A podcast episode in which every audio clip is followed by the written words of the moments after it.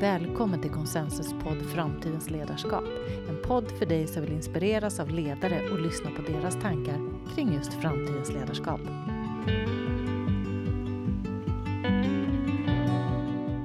Välkommen Karin! Tack så mycket. Idag sitter vi på mitt kontor i Stockholm, på Bondegatan. Ja. Och vi sitter i hobbyrummet nere i källaren. För här är det bäst ljud. Så vem är Karin Björklund? Eh, ja, hon är 48 eh, år, eh, tvåbarnsmamma som håller på att vänja sig vid att barnen flyttar ut. Och typ mitt i livet.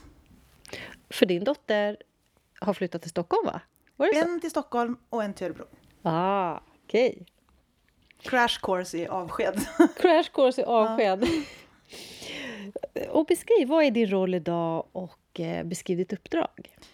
Eh, jag har precis eh, bytt roll, så just nu så är jag logistikchef, ansvarig för ICAs distributionsenhet i Västerås med ungefär tusen medarbetare.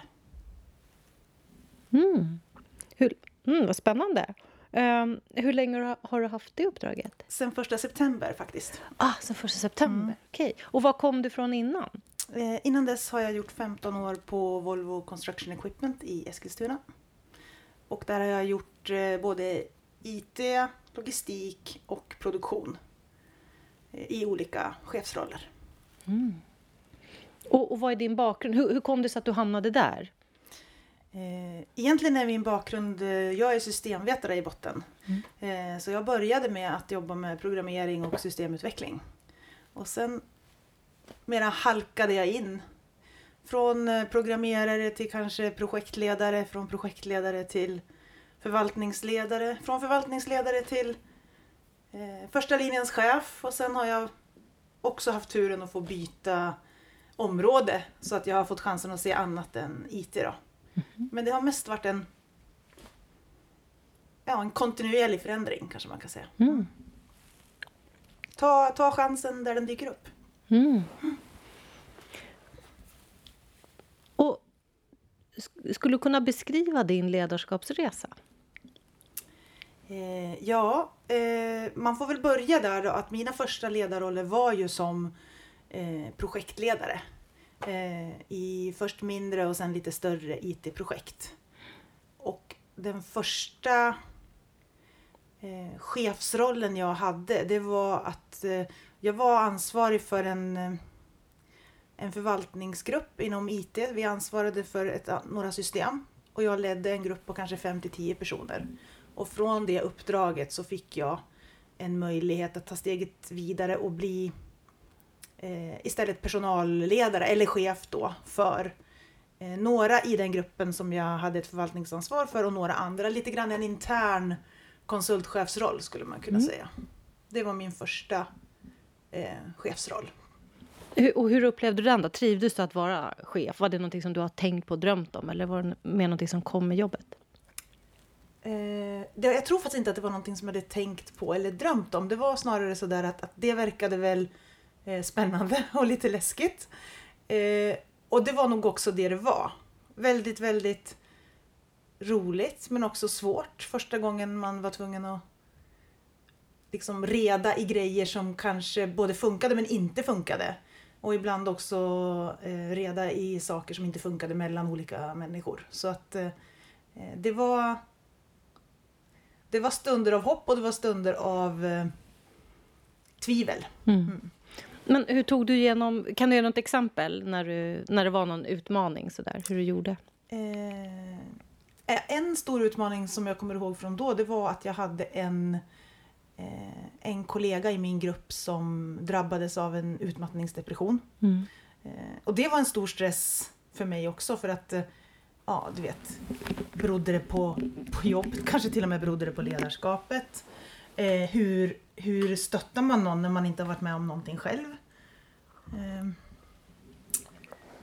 eh, en, en annan utmaning det var faktiskt i samma jobb. Det handlade lite grann om ja, kanske kränkande behandling eller ja, där en, en kollega eh, eh, hade, ja, hon hade en avvikande sexualitet. Eller en, Mm. eh, hon var helt enkelt homosexuell. Mm. Och det var inte så lätt för den arbetsplatsen kanske man kan säga. Också svårt. Mm. Ja, berätta. Men hur, för hur såg arbetsplatsen ut? Ja, men det var väl egentligen, egentligen tror jag det var en ganska traditionell arbetsplats. Men, eh, men för henne så blev det lite grann så här att hon, hon gick från att vara super eh, betrodd och superlovande till att hon verkligen kände av att hon inte fick chansen att göra och kanske till och med inte fortsätta med saker som hon hade varit betrodd för tidigare. Därför att hon öppnade upp. Så det var supersvårt som, du var hennes chef. Jag var hennes chef. Ja, och vilka precis. var det som inte trodde på henne då? Du arbetskollegor eller andra? Ja, precis. Arbetskollegor. Mm, okej. Så vad hände då? Hur löste du det? Eh, alltså dels så löste vi det genom att hon och jag pratade mycket förstås. Vi löste det genom att eh, vi stod upp för att hon skulle vara kvar i de uppdrag hon hade. Eh, och, men sen slutade det faktiskt tyvärr ändå med att hon ändå valde att eh, byta arbetsplats. Mm. Fast det är en av de där finaste grejerna jag varit med om som chef faktiskt. För att när hon hade slutat så stod det liksom en blomma hos mig. Och lite så här, tack Mm. för att du trodde. Mm. Mm. Vet du hur de har förändrat det här idag? Är de mer öppna idag eller är det fortfarande låst? Alltså, jag kan säga att jag är helt övertygad om att de är mer öppna idag. Vad bra. Men eh, jag kan inte säga att jag liksom, men det är jag helt säker på. Ja. Mm. Och jag tror att det var, i det där fallet var det, det handlade inte om organisationen eller företaget, det handlade om enskilda personers rädslor tror jag. Mm. Mm. Vad, vad är de största utmaningar som du har haft i ditt ledarskap? Alltså en utmaning jag har haft är att eh, liksom börja vara ledare inom ett område där jag inte hade eh, sakkompetensen eller områdeskompetensen. Jag kom från IT-sidan och började i ett nytt eh, eh, område. Eh, det var logistik då. Eh, och kunde liksom inte, var van att kunna min verksamhet på mina fem fingrar på något sätt och eh, kunna coacha i det. Men, men kom till ett område där jag inte hade sakkompetensen. Och då måste man liksom förlita sig på och, och våga förlita sig på sin, sin grupp. Mm. Så det, var, det är en utmaning som jag har haft. Sen har man väl haft utmaningar med att ja men på något vis ändå eh, visa att man eh, visa på rätt sätt att man eh, hänger med eller liksom kan sätta sig in i nya eh, kanske teknikområden eller mm. Att hänga med utvecklingen? Ja, men precis. Och att eh, ta sig an nya områden. Det är väl liksom lite relaterat till det. Nya områden som man inte kan. Att ändå visa, eller låta det komma fram i alla fall, att man, att man kan sätta sig in i frågor tillräckligt snabbt. Att man klarar av att leda utan att ha specialistkompetens kanske. Just det. Mm. Låter som att också att våga vara ärlig med att man inte är expert i alla områden. Absolut, absolut. Är det någonting som har varit viktigt för dig att, att, att ha full koll? Att vara Alltså jag kompetent? tror att det har varit en jättebra övning för mig att få chansen att leda andra områden än där jag är specialist.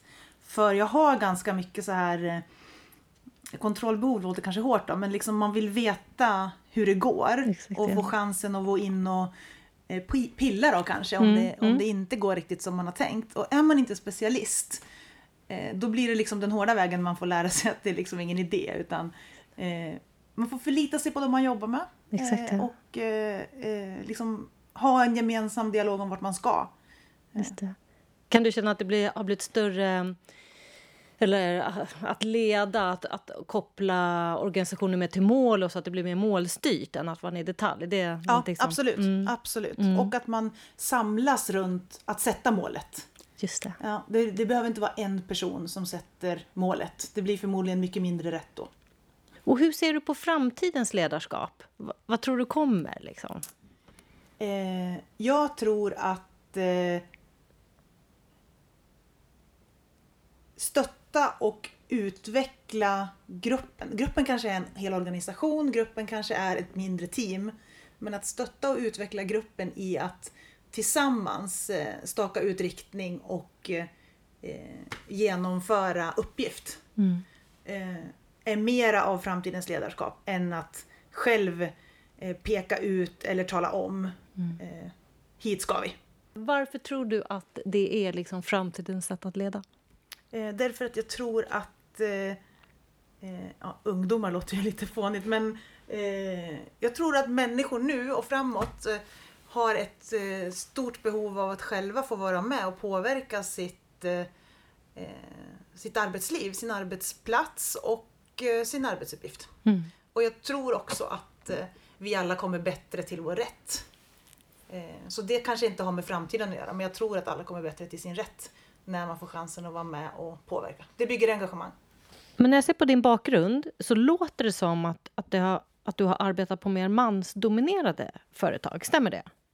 Eh, ja, ja men det, det, kan man ju säga. Absolut. Mm. Mm. Jag har jobbat, eh, i början av min karriär så kanske det var mera jämnt, även om det nog alltid har varit mest eh, män.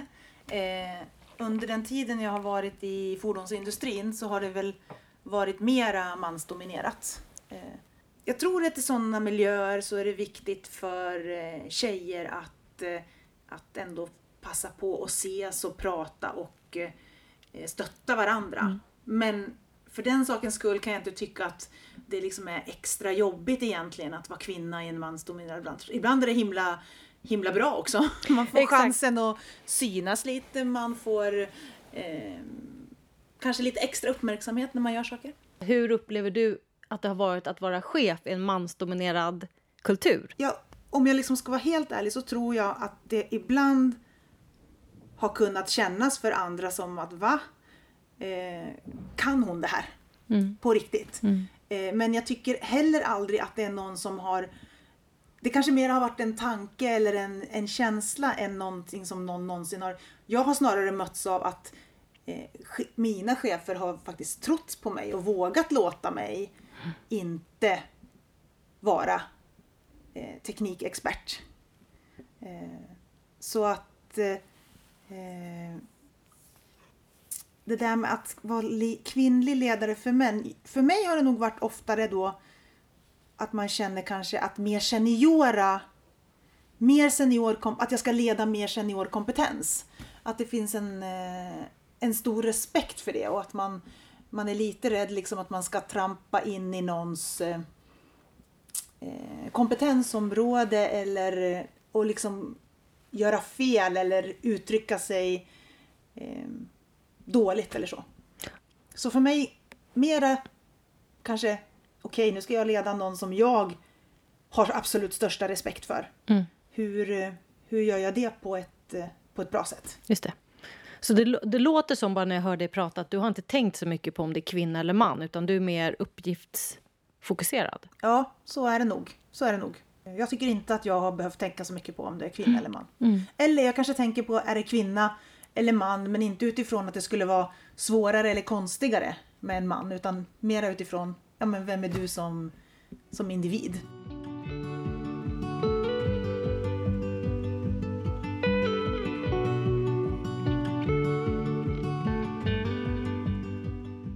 Du blir ju en förebild för många kvinnor eh, just för att du har haft positioner som ledare i de här på de här företagen du har gjort. Så att på så sätt så sticker du ut för Nej, andra. ja, det tror jag. Att jag tror att när man inte är flest så ska man också verkligen passa på att eh, stötta varandra. Ja. Och våga liksom visa att eh, det är okej okay att göra fel, eh, det är okej okay att vara liksom eh, skämta lite ibland. Man behöver inte kanske alltid vara liksom mera seriös därför att man är tjej eller någonting sånt. Utan det är okej okay att vara den man är som chef eh, och ledare. Och det hoppas och tror jag ändå liksom att jag har kunnat visa andra kvinnliga ledare. Men hur har du blivit sån här klok ledare? Har du gått själv så här ledarskapsutbildningar eller har du, ja, vad, vad har du lärt dig? Ja men det är klart att jag har fått chansen att gå mycket ledarutbildningar. Det mm. har jag fått. Mm. Och eh, framförallt på Volvo CE har jag gått eh, mycket ledarutbildningar. Men eh, jag tror ändå liksom att det handlar om att, att öva och göra de där misstagen och ibland också göra de där bra sakerna som man känner att eh, ja, men det, här, det här ska jag göra på samma sätt nästa gång eller det här behöver jag justera. Så det är väl en kombination av att få chansen att eh, eh lära sig lite, lite teoretiskt eller öva. Att verkligen prova själv. Och sen har jag haft förmånen att ha haft jättebra eh, chefer till mig. Mm. Som i många fall har lärt mig eh, massor av de, de viktigaste grejerna jag kan. Mm. Som vad då? Ja men som till exempel eh, att inte, inte ge upp även om det liksom ser lite mörkt ut just nu. Att eh, fortsätta liksom jobba med och, och leverera. Eh, och att det till slut eh, eh, visar sig. Eh, att kanske inte alltid eh, ja, att försöka släppa lite grann om vad man tänker och funderar på sägs. Eh, och vara eh, den man är på ett så bra sätt som man kan. Och vad skulle du säga är dina framgångsfaktorer i ledarskapet? En tror jag är att jag inte är rädd för att inte förstå eller fatta. För det tycker jag att jag har lärt mig, liksom, att det fin- de här dumma frågorna eller man måste inte kunna allting från början och då kan man lika gärna eh, liksom öppna upp med det. Ha lite, ja, vara lite öppen med vad man kan och vad man behöver förstå bättre. Eh, en tror jag är att jag tycker om människor och liksom är nyfiken på att få veta mm. eh, hur ska vi göra för att det här ska funka. Eh, och sen tycker jag liksom om att jobba tillsammans och eh, bjuda in. Låta människor synas och höras. Ja. Och sen tror jag ofta att jag faktiskt brinner för det jag jobbar med, liksom att jag mm. vill framåt och det tror jag också bidrar. Och när du säger vill framåt, vad är det då du, du har för drivkrafter? Liksom? Vad är det du vill åstadkomma? Eller? Ja, men jag vill liksom alltid att eh, verksamheten ska få chansen att eh, att utvecklas eh, och att den gör det genom eh, organisationen eller människorna i den. Mm. Så att man känner att man är på väg någonstans, mm. eh, att det är liksom till ett bra ställe, att det finns ja, men, krokar på vägen men att vi tillsammans eh, har ett, ett gemensamt mål. Vilka egenskaper tror du blir viktiga för framtidens ledare? Skiljer de sig från det du just har sagt, tror du? Jag vet inte. Det, det jag kan tycka är liksom att man behöver växla om. Och det tänker jag att det borde bli ännu viktigare framåt. Att klara liksom av att inte att släppa lite prestige och, och sådana saker och, eh, och ha en förmåga att, eh, att ändra riktning. Det betyder ju kanske inte att man ska hålla på och vända kappan efter vinden men, eh, men världen ändras fortare mm. nu och då behöver företag och verksamheter göra det också. Och ska företag och verksamheter göra det, då måste man klara av att, att eh, leda på det sättet. Kanske liksom också se, ha ett par olika scenarion. Mm. Så att man kan eh, anpassa. Och hur ser du på nya generationen som kommer in? Eh, ja, nu har ju jag två, två döttrar som kanske är nya generationen då. och då tänker jag eh, att de är eh, väldigt kreativa. Mm. Eh, och duktiga på att ta till sig väldigt många olika saker. Mm. Eh, men också ganska krävande tror jag. Mm. Och liksom vill ha en mening med det de gör. För det är det som man ser med nya generationen, just att man vill ha en meningsfullhet och så. Och det ja, var men, du inne på lite innan. Ja. Där, hur du... ja, så tycker jag i alla fall. Det är väl, ja, jo kanske inte liksom det här, jag vet inte, när man själv växte upp så var det lite grann så att man skulle vara på ett, ett bra företag med ett bra eh, varumärke och det skulle vara tryggt och stabilt och, och men ändå liksom en bra arbetsplats. Mm. Men nu så måste det också finnas det här att vad bidrar företaget med? Eh, kanske i samhället eller och vad ger du för råd till dina döttrar då? Jag, jag kan inte släppa mm. det här med manligt kvinnligt. Ja. Du får ursäkta nu bara för att du är en ja. framgångsrik kvinnlig ledare. Va, peppar du då dem på något speciellt sätt för att möta? För du sa nämligen innan här att din dotter går på KTH. Mm. Och då tänker jag också det här att det kanske viktar över till mansdominerat. Ja, och hon gör ju det för att hon är så intresserad av de ämnena. Ja. Hon är ju mycket mer intresserad av de ämnena än jag någonsin har varit. Sen har jag en till som är lite mera kanske generalist som jag.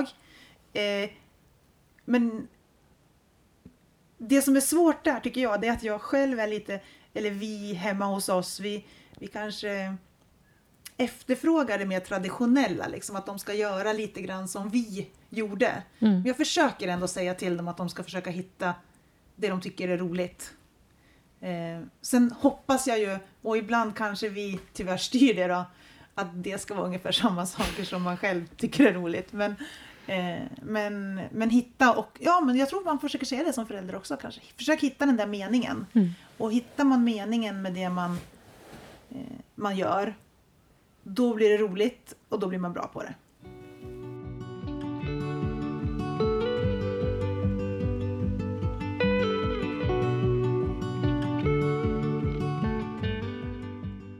Hur kan företag framöver bli bättre på att diversifiera sitt ledarskap?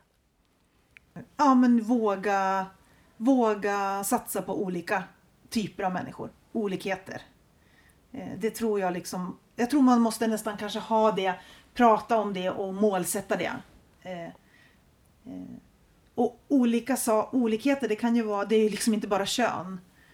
Men, men att våga inte leta efter exakt en profil kanske eller exakt en eh, åldersgrupp eller ja, vad det nu kan vara för olikheter utan hela tiden försöka tänka eh, olikheter. Och hur kan man som ledare skapa en mer inkluderande och välkomnande kultur?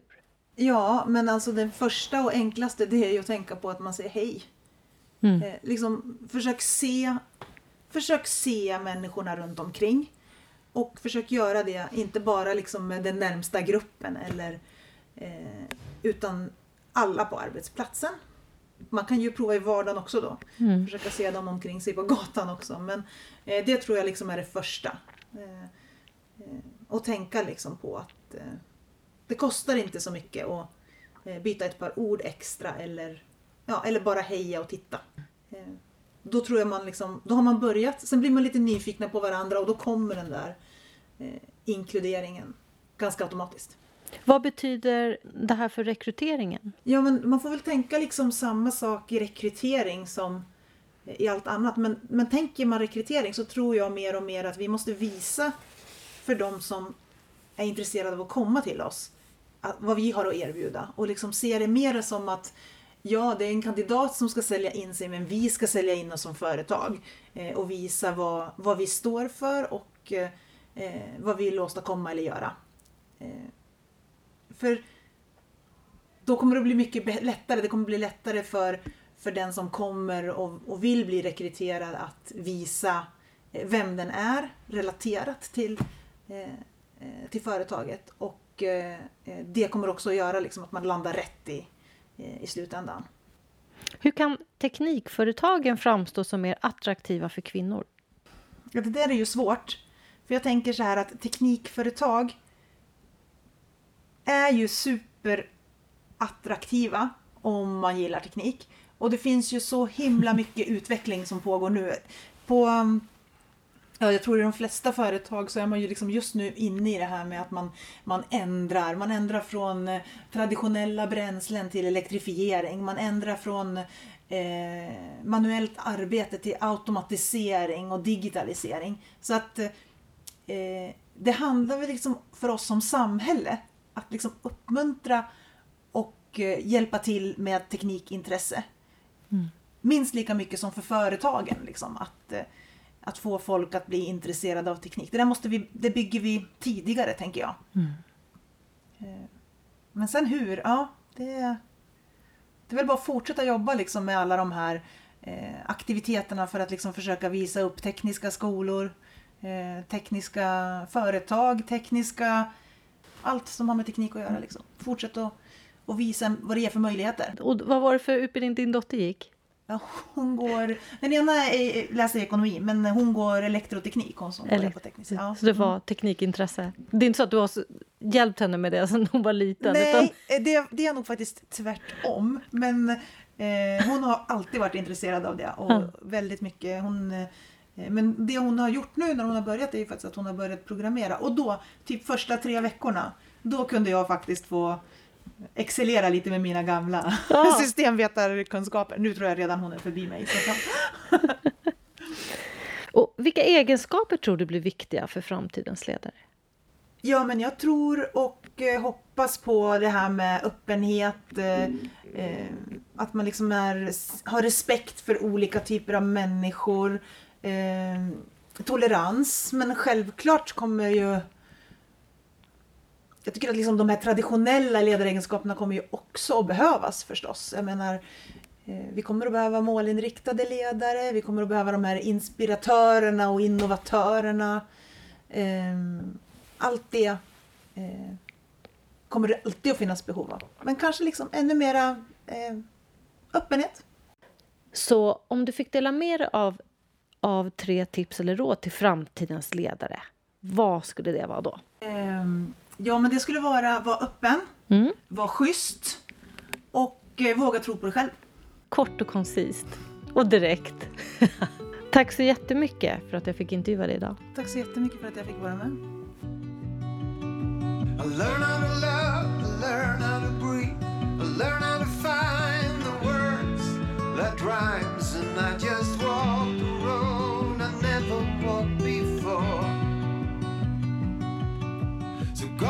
find music in life. learn how to play, and you will find a sound that fills the need of light. It's another.